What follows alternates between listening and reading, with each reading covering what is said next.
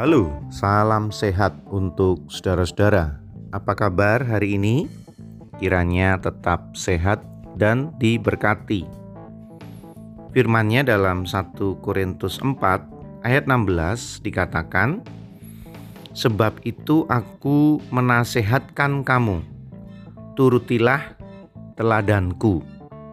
1 Korintus 4 ayat 16 Paulus dalam pelayanannya memang luar biasa, sangat luar biasa. Dia betul-betul mengalami hal-hal yang dihindari oleh banyak orang untuk diulangi yang kedua kalinya. Misalkan, dia pernah ditangkap dan dipenjara, tapi tidak membuatnya jera. Dia pernah mengalami kapal karam tapi tidak membuatnya tenggelam. Dia pernah mengalami kesusahan, dipukulin, kelaparan, diserang binatang buas, dan lain sebagainya, tapi tetap membuatnya garang dalam melayani Tuhan. Nah, sehingga tidak salah kalau kemudian dia mengatakan, "Turutilah teladanku." Tidak salah kalau dia mengatakan, "Ikuti caraku, ikuti jalanku, ikuti apa yang sudah aku lakukan. Luar biasa ya, ini bukan tentang kesombongan, tapi ini tentang menjadi teladan dan inspirasi. Karena orang membutuhkan keteladanan, orang membutuhkan inspirasi. Perhatikan peribahasa ini. Jika kamu memiliki 100 singa, dan dilatih oleh seekor anjing, maka singa-singamu itu akan mati seperti anjing.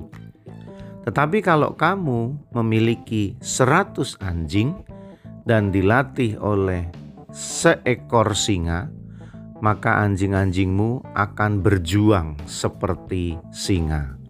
Nah, ini soal keteladanan soal memberi inspirasi.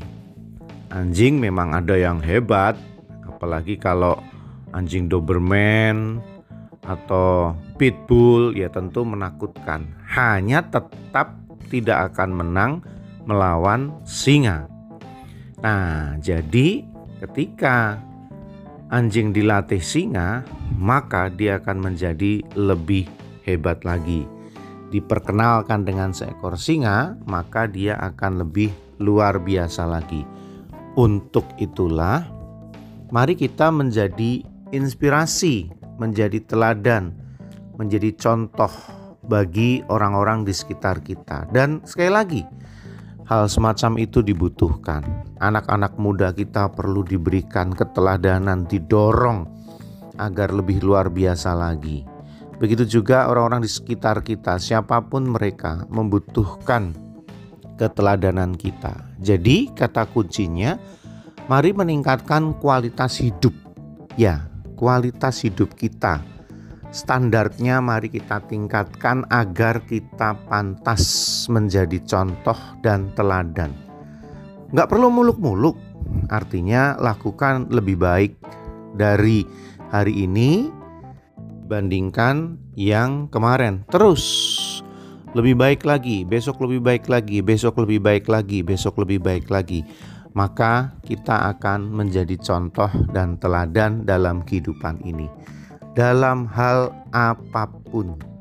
Dari yang paling sederhana tentang tutur kata kita, ucapan kita, sampai tindakan-tindakan yang sekecil apa pun.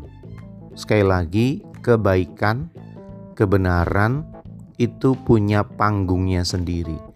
Dia tidak akan pernah hilang dari ingatan orang lain. Walaupun kadang-kadang kita berpikir, "Ah, sederhana banget sih yang dilakukan. Apa pentingnya?" Sekali lagi, penting, penting. Yakinlah bahwa tindakan kecil atas kebaikan apa pun itu penting. Satu contoh, satu ketika saya berpapasan dengan seorang pemulung. Dan pemulung itu mengatakan, e, "Terima kasih atas nasi bungkus yang pernah saya belikan kepadanya. Bayangkan, saya sendiri sudah lupa kapan itu saya belikan, tetapi bagi dia, nasi bungkus yang murah meriah itu ternyata berkenan di hatinya, sehingga dia tidak melupakan saya. Seandainya saya membutuhkan pertolongan dia pada saat itu, saya yakin dia mau. Saya yakin dia pun akan membalas budi, walaupun yang saya lakukan sangat sederhana. Mari kita merenungkannya. Masih bersama dengan saya Pendeta Yudi dalam renungan emas, esok masih ada solusi.